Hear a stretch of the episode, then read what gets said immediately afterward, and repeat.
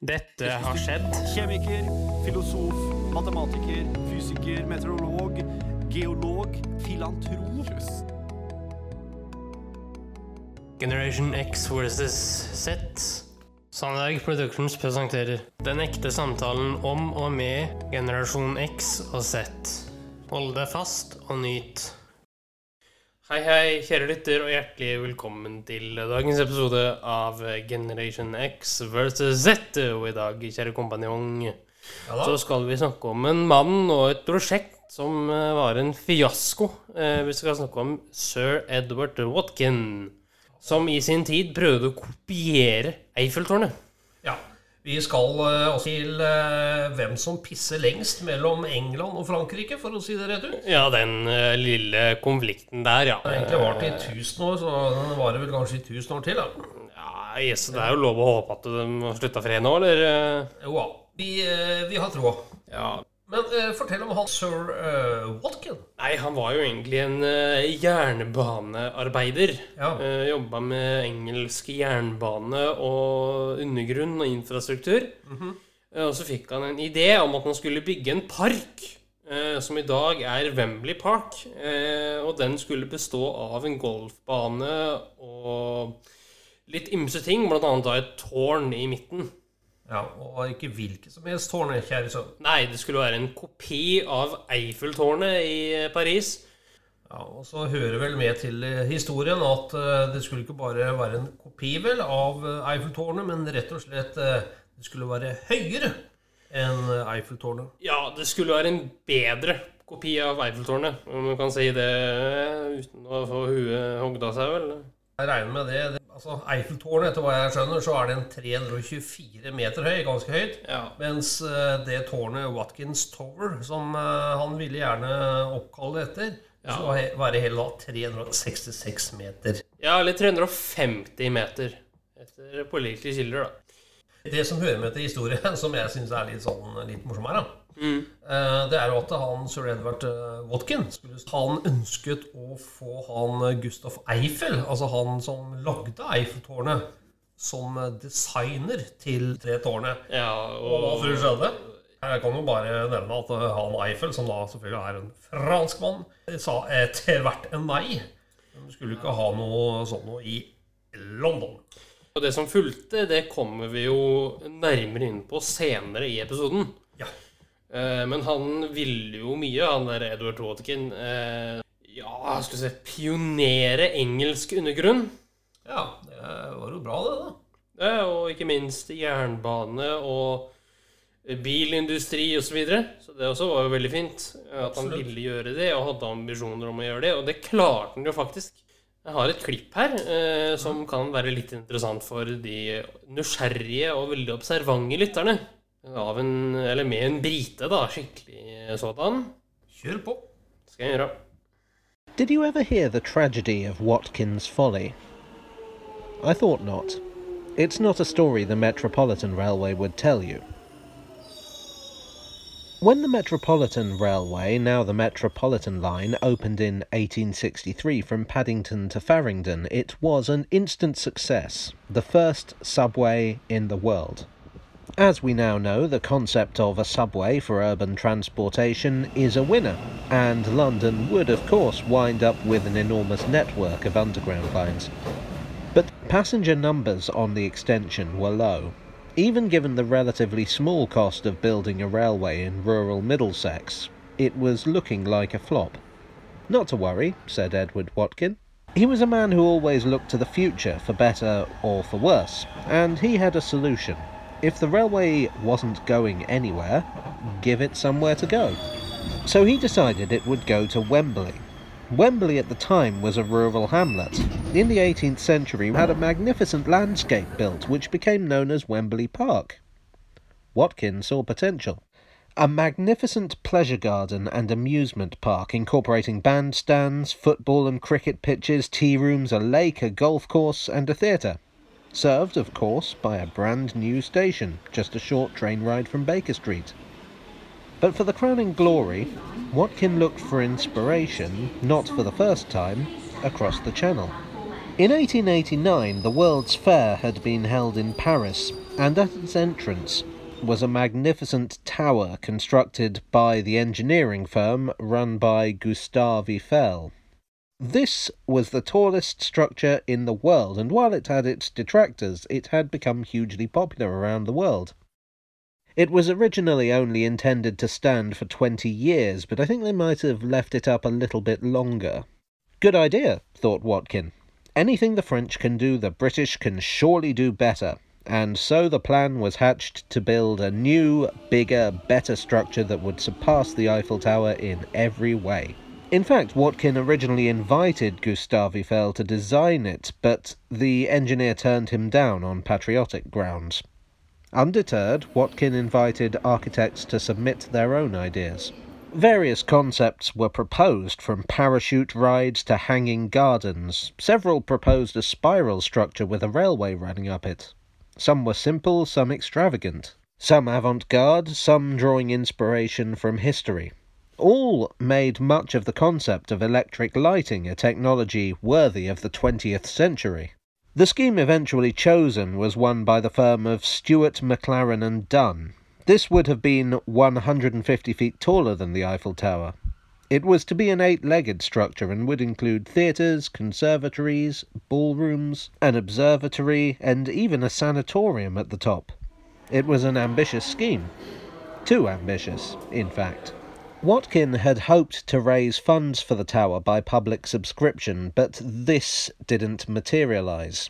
So the plan was scaled back. The tower would now only have four legs and be reduced in height. Still taller than the Eiffel Tower, though.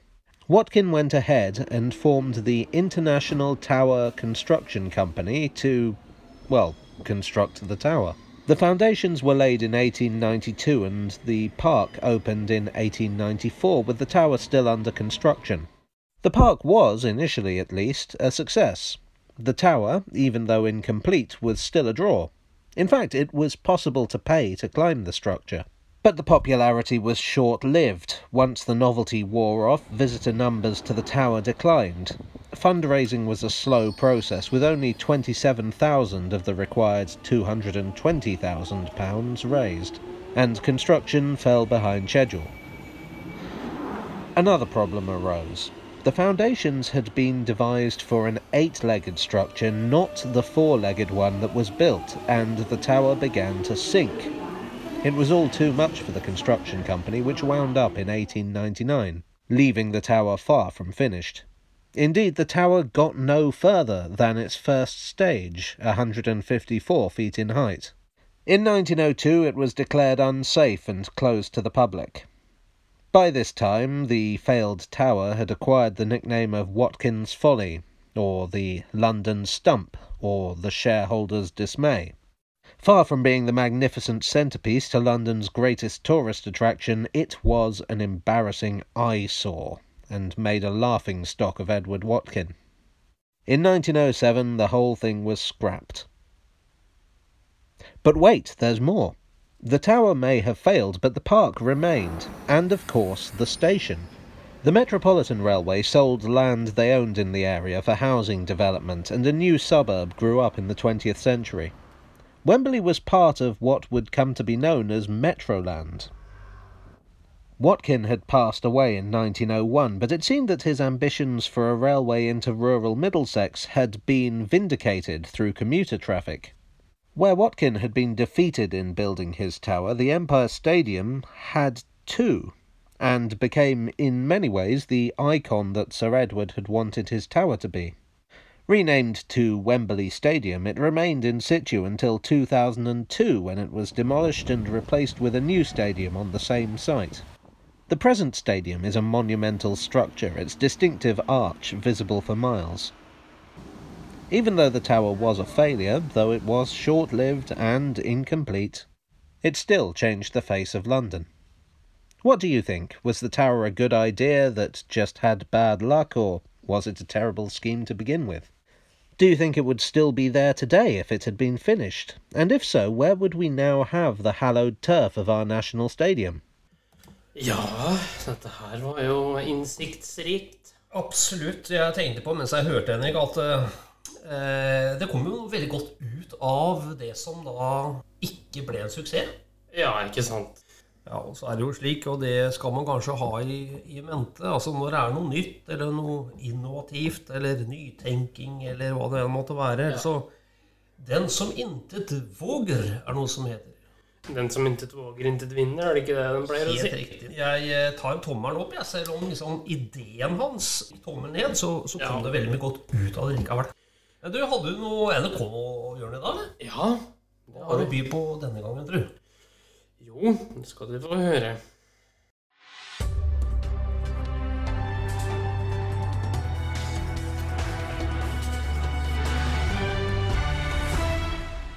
NRK-hjørnet.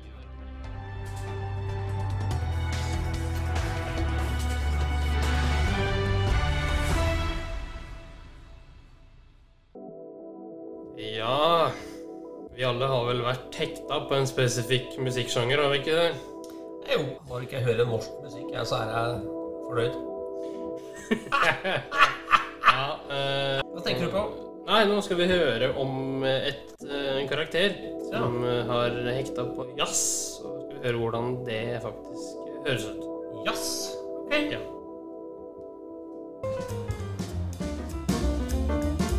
Arve Bluebers Trio er et av landets aller største jazzband og turnerer enorme 320 dager i året. Med så liten tid til å koble av er bandleder Arve ekstremt opptatt av at ikke jazzen skal gå til hodet på dem. Allikevel er kollegaene bekymret for at Arve ikke helt klarer å legge fra seg jazzen. Thank you very much. It was all we had from Arve Bluebers uh, trio. Wow, wow. Wow. Vi møter Arve på et hotellrom i Düsseldorf. Se der, ja. Det er bare å ha på skoene. Det er hotellrom, så det Se der, ja. Der snakker vi Düsseldorf fra sin beste vinkel. Det er klart at det blir mye spilling og reising og turné og slike ting, men eh, er det én ting jeg er opptatt av, så er det å, å legge jazzen bort mellom slagene. Relax.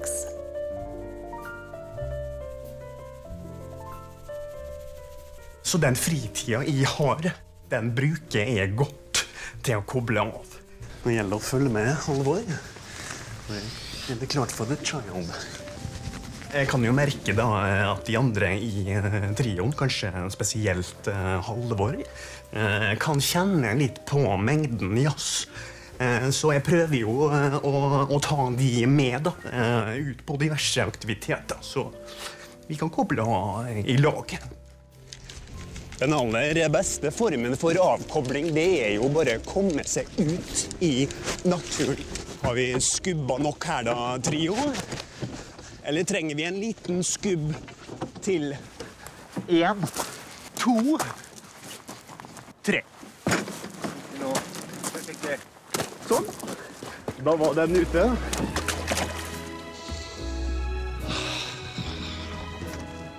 I all verden er det Bluebirds har fått på kroken her, da? Er det en myse, da? Ja, nå har du fått deg sjøl på kroken. Den er sterk. Den er veldig sterk. Hvor er han? Fram med fiskebøtta. Hva du holder på med, du, da? Ikke tid for massasje nå. Avkobling det kan jo være eh, så mangt. Eh, Det handler ikke nødvendigvis bare om å slappe av. Det kan eh, f.eks. også være å, å gjøre noe gøy. Her gjelder det å være musestille. Å være i alt med naturen. Hvis ikke så skremmer vi dyret. Au! Faen, du har skutt meg i foten, jo! Faen meg klarer å koble av den jazzen. Er det du prater om nå, da, Halvard? Det er sånn uh, intern greie vi har uh, innad i, uh, i trioen. Faen, ikke noe intern greie å skyte trommisen i foten! Det er klart at det at jeg skjøt Halvor i foten, det forandra litt på planene, så nå er resten av turneen utsatt til Halvor blir frisk igjen. Ladies and gentlemen, captain has turned on the fasten seatbelt sign.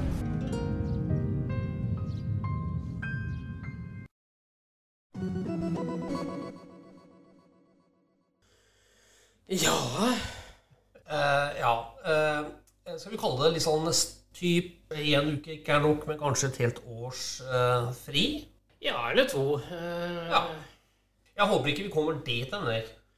Nei, men jeg kan si at du er på vei dit. Nei, kutt ut, da. Det er ikke så ille. Faen ikke langt unna heller. Nei. Altså, jeg jobber ikke så mye, jeg, altså. Det jeg har lyst til å gjøre, det er å ta et videoopptak av en dag i ditt liv. Ja, mye avslapning der, vet du. Og så legge det ut på Facebook-sidene våre, og så kan lytterne se at du jobber uh, veldig mye. Ok. Uh, Skjerpnings, da. Jeg bare ser fram til uh, neste podi. Ja, det godt, da. Tusen takk for at du fulgte oss. Gi gjerne tilbakemelding, likes eller kommentar på Facebook-siden vår Generation X versus Z. Velkommen igjen til neste podkastepisode. Hei då!